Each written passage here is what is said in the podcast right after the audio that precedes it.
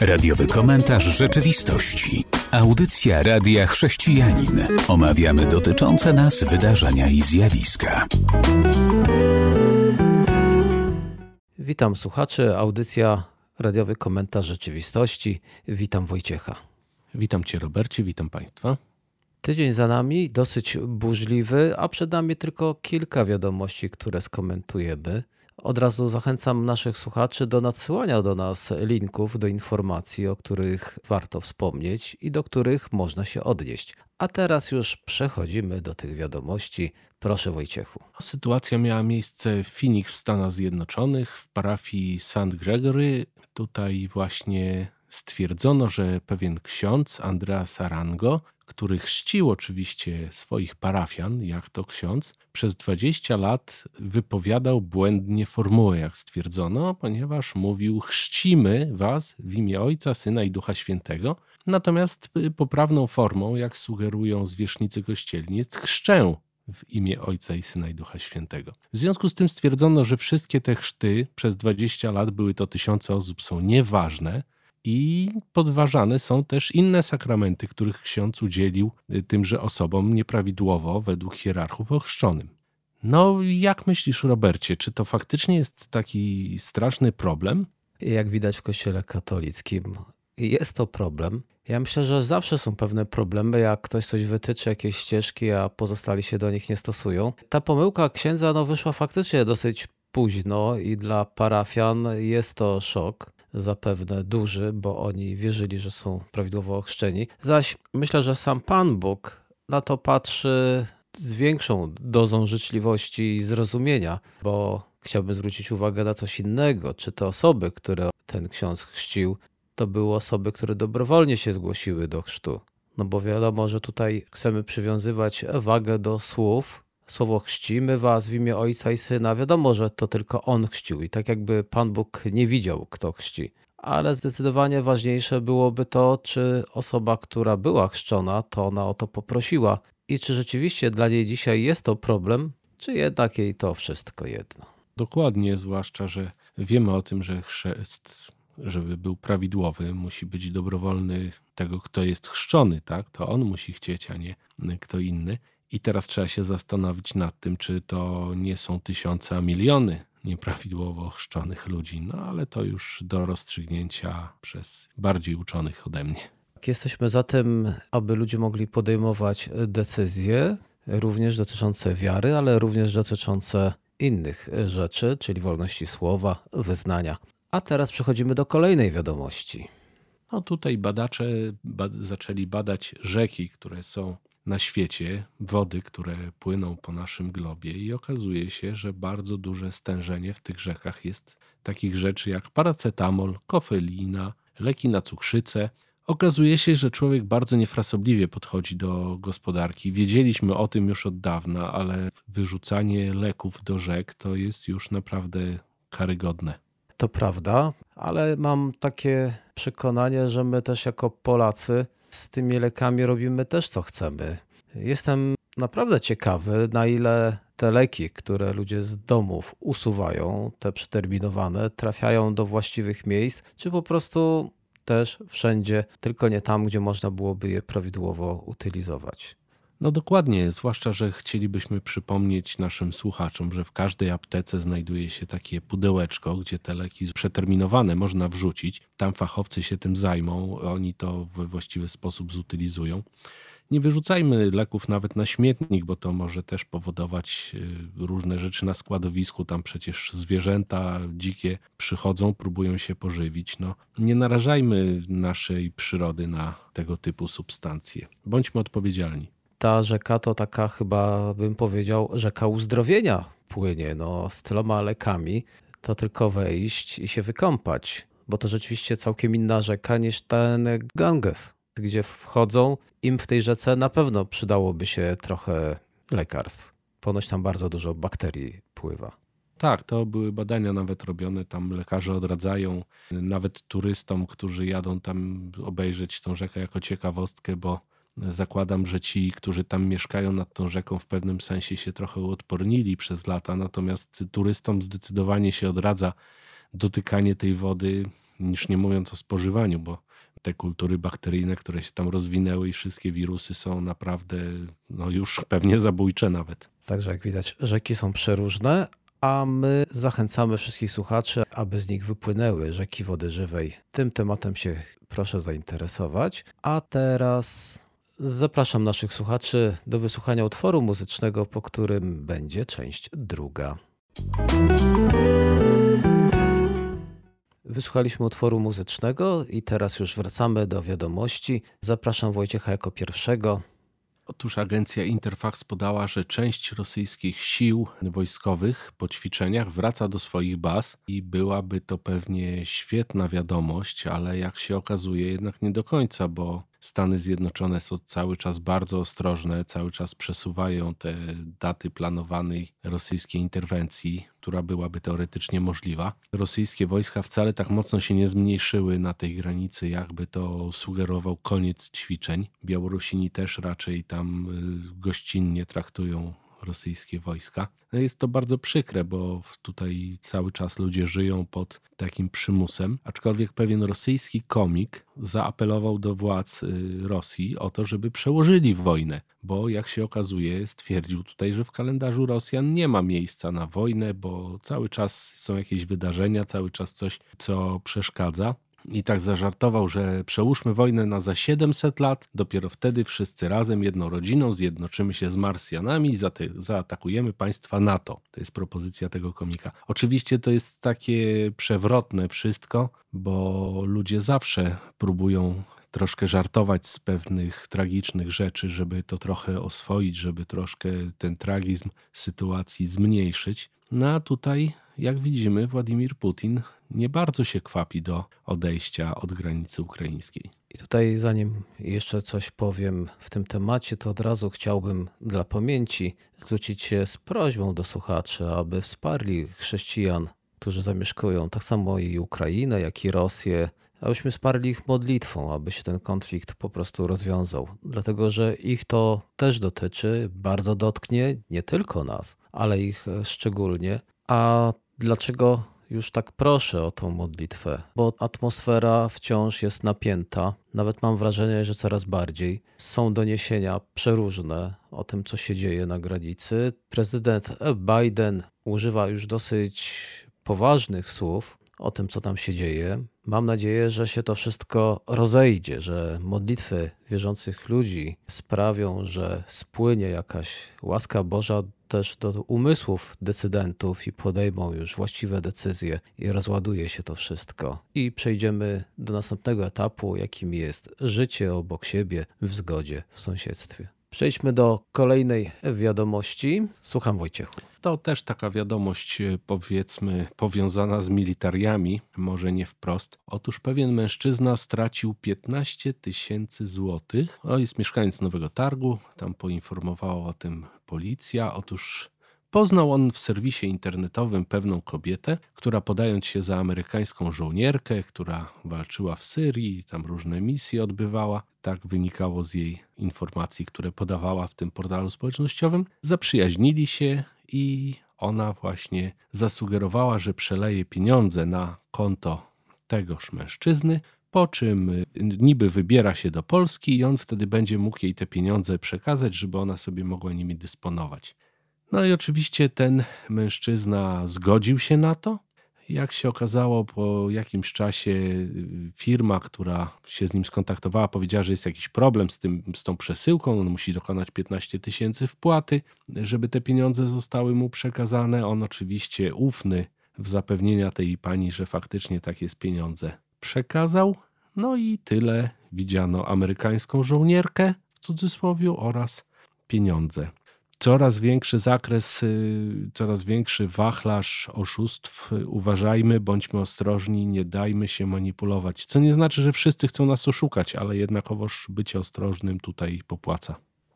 Ostrożnym zawsze popłaca, ale chciałbym powiedzieć odnośnie takich darowizn. Chrześcijanie chyba są najbardziej naiwni. Bardzo często przeznaczają przeróżne pieniądze na różne cele. Te oczywiście docierają, tyle że oni bardzo często ci darczyńcy nie wnikają, na co zostaną wydane i jak wydane.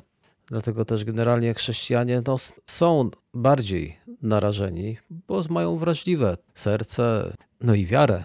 Nie tak dawno na Facebooku żona pewnego pastora informowała, jak to właśnie ich rodzinę spotkało to w cudzysłowie szczęście, że zadzwonił pewien oszust. Opowiem tylko, że skończyło się to dobrze, choć wyglądało to już dramatycznie i lada moment mogłyby te pieniądze zniknąć, ale ostatni moment był taki, że zadzwonił ten oszust i oczywiście dalej kontynuował, to było na policjanta, a ona już udała się na komisariat w tym czasie.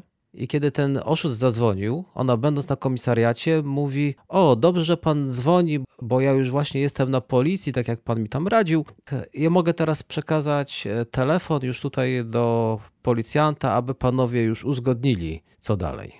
No i odebrał oczywiście ten policjant od niej ten, ten prawdziwy telefon i się odezwał.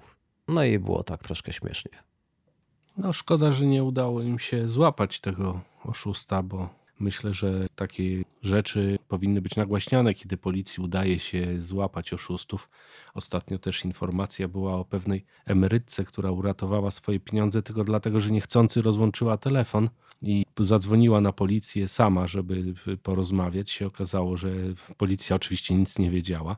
No i złapano tego oszusta y, dzięki temu ale no tutaj jeszcze raz powtarzam i naciskam, bądźmy ostrożni, policja nie dzwoni, nie prosi o pieniądze, absolutnie nie ma takiej możliwości, żeby policja chciała od nas jakiekolwiek pieniądze, więc uważajmy, bądźmy ostrożni, ostrzegajmy swoich przyjaciół, znajomych. Tutaj myślę, że nasi słuchacze to chyba już wiedzą, ale bardziej bym chciał uwrażliwić naszych słuchaczy na innych oszustów, na religijnych oszustów, dlatego że w świecie już wiemy o nawnuczka, na policjanta, media o tym mówią, ale są przecież jeszcze oszuści religijni. Pojawia się wiele różnych osób, które opowiadają różne niestworzone rzeczy. Warto sprawdzać, czy tak się rzeczy mają. Oczywiście jest Pismem Świętym w ręku, a nie od razu wierzyć komuś na słowo.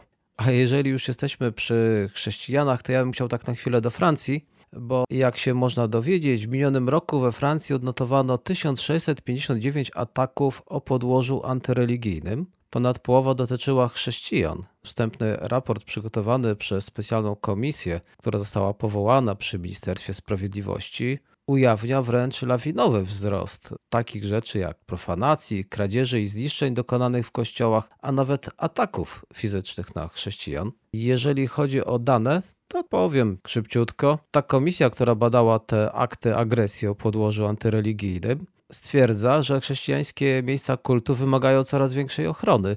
No proszę, to już trzeba będzie ochroniarzy we Francji zatrudniać, aby bronić wiernych i ich budynki sakralne. W istocie aż 857 ataków dotyczyło chrześcijan, 589 wyznawców judaizmu, a 213 dotknęło również przedstawicieli islamu.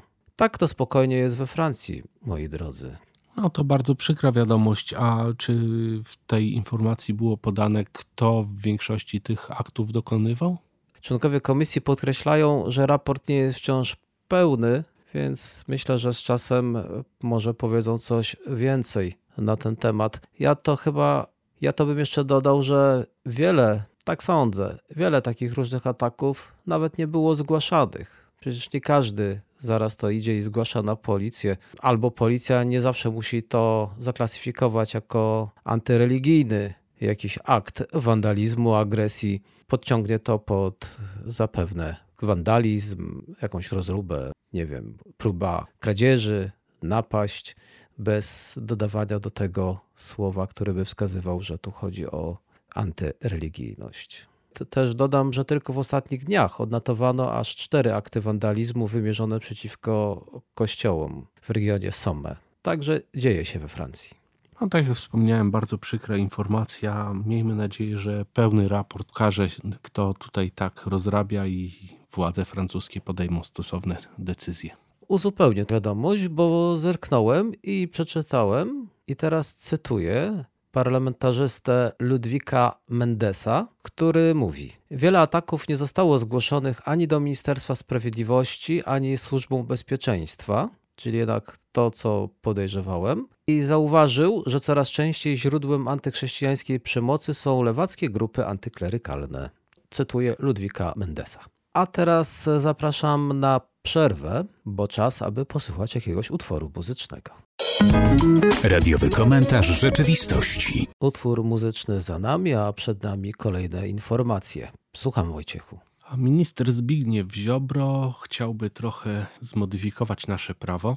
Otóż, y, jak mówi, zwyrodniali mordercy mogą liczyć na przedterminowe zwolnienie. Skoro nie ma dla nich kary śmierci, to musi być bezwzględne dożywocie. Mój projekt taką karę wprowadza, zapowiada właśnie minister. Otóż chodzi o to, że zwraca uwagę, że tacy ludzie, którzy zostali skazani na karę dożywocia, mogą się ubiegać o wcześniejsze zwolnienie, o jakieś wyjście za dobre sprawowanie i ta kara takiego można powiedzieć dożywocia, czyli te 25 lat, to może się okazać dużo krótsza. Tutaj z drugiej strony eksperci, nie jest niestety podane jacy, biją na alarm, że to są psychiczne tortury, że tutaj skazani właśnie będą torturowani psychicznie przez to, że spędzą swoje życie w więzieniu.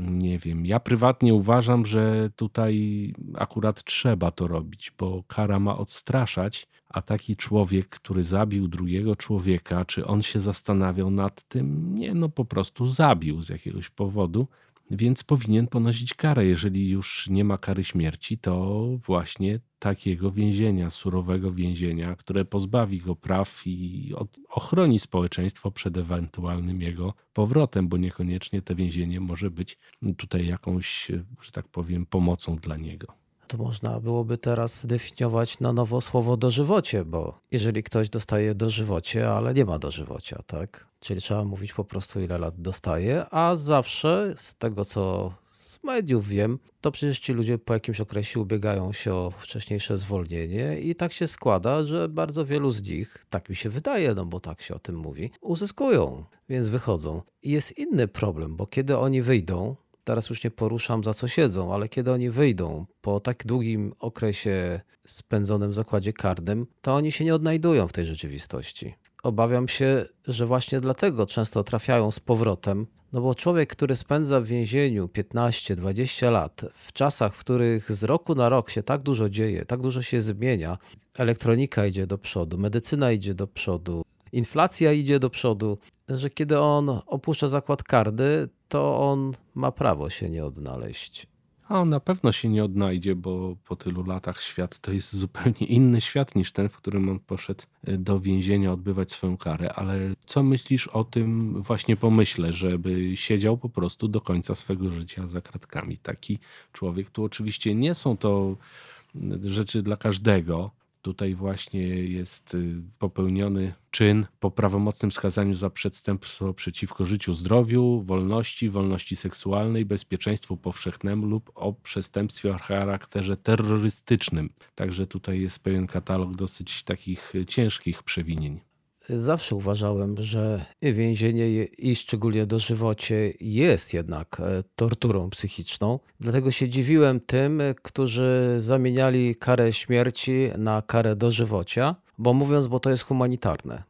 Nie, to nie jest właśnie humanitarne według ich oczywiście własnej definicji, bo jeżeli ktoś jest e, takim no, mordercą, bym powiedział nawet wielokrotnym mordercą, i dostaje zamiast kary śmierci dożywocie, i oni mówią, tak, to lepiej niż kara śmierci. Kara śmierci pozwoliłaby mu jednak nie cierpieć, a tak, zależy w jakim wieku popełnił przestępstwo, siedzi latami, tak, będzie cierpiał psychiczne tortury, co jest wyraźnie widoczne, dlatego że ci więźniowie znęcają się potem nad innymi. Więc jeżeli mnie pytasz, czy powinni siedzieć, nie wiem.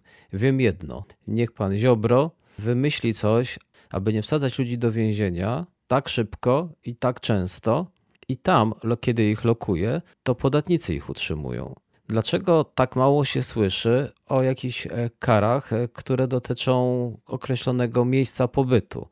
Dlaczego nie mówią o jakimś areszcie domowym? Dlaczego nie zakładają bransoletek i dlaczego nie pójdą w tym kierunku? Dlatego, że wtedy ci ludzie, którzy popełnili jakieś mniejsze przestępstwa, będą musieli sami się utrzymywać, Może podejmą pracę zdalną, może rodziny przejmą ten obowiązek, a tak wspaniałomyślnie sędzia wydaje wyrok, dwa lata więzienia, trzy lata więzienia, pięć lat więzienia za przekroczenie granicy, za niezapłaconą fakturę, za jeszcze coś innego, za niedopełnienie pewnych formalności. Tutaj możemy powiedzieć o beneficjentach rzeczywistych, dlatego że Fundacja Radio Chrześcijanin też musiała dopełnić takich formalności, a kiedy to robiłem, dowiedziałem się, że tam jest kara do jednego miliona złotych za niedopełnienie czegoś takiego. To może niech pan Ziobro po prostu tych ludzi polokuje w chałupach i niech tam się rodziny nimi zajmą. Odciąży to na pewno zakłady karne, a wtedy ci z dłuższymi wyrokami będą mogli rzeczywiście siedzieć, bo może chcą ich wypuścić, bo pieniędzy brakuje. O, to jest bardzo fajny pomysł, żeby ci z, za lekkie przewinienia właśnie siedzieli sobie w domach. No niestety tutaj jest szerszy temat, może nie na dzisiejszą audycję, ale Polska podpisała tyle konwencji różnych, między innymi właśnie ochrony praw więźniów, że ciężko będzie to wszystko teraz odkręcić. Siedzenie w domu dałoby się pewnie im zaserwować. W wielu krajach to funkcjonuje. Wiem, że to jest droga inicjatywa, bo to trzeba ich monitorować, bo to są te pewne różne czynniki na to wpływają, ale gdybyśmy się za to wzięli, w ostatecznym rozrachunku na pewno byłoby taniej. Jestem za. To teraz zapraszam słuchaczy do wysłuchania utworu muzycznego i będzie dzisiaj część czwarta. Po tym utworze wracamy. Dziękuję, że zostaliście z nami. A teraz część czwarta audycji Radiowy Komentarz Rzeczywistości. Proszę Wojciechu. O, internet, jak wiemy, od pewnego czasu już bardzo mocno zdominował nasze życie. Właśnie handel również już dawno przeniósł się do internetu. Możemy sobie zamawiać różne rzeczy, możemy sobie czekać na kuriera zamiast chodzić po sklepach. A się okazuje, że w naszym kraju jest zakaz kupowania alkoholu właśnie przez internet. I wydaje mi się to fajnym pomysłem jednak, ale właśnie różne gremia, różne y, lobby, na przykład Rzecznik Związku Pracowników y, Polskiego Przemysłu Spirytusowego, stwierdzili, że no jest to niemożliwe, no powinien taki handel się odbywać. I teraz właśnie tutaj jest omijany ten właśnie fakt przez tych sprzedawców, bo rejestrują sklepy na przykład w Czechach, na przykład gdzieś poza granicami naszej ojczyzny i stamtąd te alkohole są sprzedawane. No, Ministerstwo Zdrowia tutaj tłumaczy, że te przepisy są trochę stare i te zasady handlu alkoholem reguluje ustawa z 82, gdzie z oczywistych względów nie ujmowała handlu przez internet. Natomiast no nie wiem, czy to jest taki dobry pomysł, żeby tutaj tak bardzo mocno cisnąć na to, żeby można było alkohol kupić w internecie. No bo w sumie no niby są jakieś filtry żeby wyfiltrować młodzież, ale czy warto dawać im do ręki taką możliwość? Może tutaj też chodzi o to, aby ci, którzy są osadzeni przez sąd w areszcie domowym, też mogli się zaopatrywać, bo im jest znacznie trudniej pójść do sklepu i kupić alkohol, kiedy nie mogą wychodzić z domu. No, dla nich akurat chyba nie trzeba więcej problemów. Nie wiem, dlaczego to tak funkcjonuje. Nie jestem tutaj fachowcem. Generalnie nie jestem zwolennikiem tego, aby alkohol był wszędzie dostępny, ale z drugiej strony jestem też za wolnością, więc jeżeli w internecie można tyle rzeczy kupić przeróżnych, to dlaczego też ktoś robi wyjątek dla jakiegoś jednego produktu? Za to chciałbym w ogóle zawsze uwrażliwiać ludzi, że kiedy robią zakupy, to po prostu nie będą wrażliwi, bo kupujemy bardzo dużo rzeczy niepotrzebnych, które potem leżą, a pieniądze wydaliśmy, te pieniądze zawsze można lepiej spożytkować. A tutaj będę chyba do znudzenia zachęcał, szczególnie chrześcijan, aby te pieniądze przeznaczali na dzieło misyjne. Świat potrzebuje Ewangelii. Są ludzie, którzy czekają na słowa pokrzepienia, otuchy, a są też chrześcijanie, którzy czekają na naszą pomoc, bo w ich krajach siedzą w więzieniu z powodu wiary w Jezusa. I czasami, aby opuścić ten zakład karny, potrzebują naprawdę dobrego adwokata. Albo są jeszcze chrześcijanie, którzy siedzą w obozach pracy, aby się wydostać z takiego obozu pracy, muszą często uiścić jakieś pieniądze, dlatego że w jakiś sposób zaciągnęli kredyt, a ten kredyt odkupił właściciel takiego zakładu i tam ich ulokował. I mówi: Teraz to musicie odrobić. No i oni tam pracują, a oni tak wszystko to skonstruowali. To są autentyczne historie dotyczące niektórych krajów, szczególnie jednego, ale to już w audycji Czas Prześladowanych o tym można posłuchać. Uzupełnię tylko zdanie, że za wynajęcie narzędzi potrafią brać pieniądze. Więc nie ma szans, aby taki wierzący człowiek był w stanie spłacić ten dług, a jeżeli to bardzo, bardzo długo mu na tym schodzi. I czasami tam całe rodziny już mieszkają. No to jest przykre, że jedni próbują się bogacić kosztem innych i to tych, którzy są najbardziej potrzebujący w tej sytuacji. Miejmy nadzieję, że sprawiedliwość Boża dosięgnie też ich i może zdążą zrozumieć swój błąd i otworzą się na Ewangelię. Miejmy nadzieję. No. A na koniec temat, który dotyczy aborcji. W Stanach Zjednoczonych sąd odrzucił pozew 12 stanów przeciwko polityce proaborcyjnej. Podpisana przez prezydenta Stanów Zjednoczonych ustawa budżetowa ma umożliwić, pewnie umożliwi, finansowanie ze środków federalnych klinik aborcyjnych pewnej to organizacji. Sprzeciwia się temu 12 stanów, które złożyły pozew wobec administracji Joe Bidena. Argumentowano, że według obowiązujących przepisów amerykański gabinet nie może dotować aborcji. No ale sprawa w toku i zobaczymy, co z tego wyniknie. Generalnie chciałem w tym kontekście powiedzieć, że jest to przykre, kiedy za pieniądze podatników wykonuje się aborcję, może łatwiej byłoby te pieniądze podatników przeznaczyć na to, aby uświadomić tych ludzi, którzy idą do łóżka, że kiedy się idzie do łóżka we dwoje, może często po alkoholu, może po narkotykach, to z tego może wyniknąć ciąża. A dla nich jest to zaskoczeniem, jak widać, a potem my, co, mamy płacić za błędy ludzi, za ich złe decyzje, które podjęli, może niech oni dźwigają ten ciężar. To odnośnie Stanów Zjednoczonych. Co o tym sądzisz, żeby podatnik pokrywał ze swoich pieniędzy aborcję? Znaczy, no, wydaje mi się tutaj, że jednak każdy powinien sam ponosić konsekwencje swoich czynów. Nie wydaje mi się, żeby państwo powinno było dotować tego typu zdarzenia. Tu raczej, gdyby to były kwestie zagrożenia życia i zdrowia, tak, i lekarze sugerowali, to, to, to, to wtedy tak, jak najbardziej. No tutaj oczywiście wszyscy płacą podatki na to, wszyscy płacą składki, żeby z tego korzystać, ale jeżeli to jest po prostu czyjeś widzimisię, to absolutnie. Jak mi się nasunęło, jak opowiadałeś ten temat, że Stany Zjednoczone kolebka wolności, które tą wolność sobie musiała wyrwać z rąk brytyjskich, skręca w jakimś takim dziwnym kierunku. To, to, to jest jakiejś takiej dziwnie rozumianej tej wolności. Nie wiem, czy nie powinni się zatrzymać na chwilę i przemyśleć tego wszystkiego. Tak, Wielka Brytania też kombinuje jak może w tym temacie. W Wielkiej Brytanii trwają przygotowania do procesu, którego celem jest obrona praw lekarzy do ratowania ludzkiego życia co tam się dzieje. Chodzi o podważenie zakazu pomocy kobietom, które będąc w trakcie procedury farmakologicznej aborcji, chcą się z niej wycofać i wstrzymać proces e, usunięcia dziecka.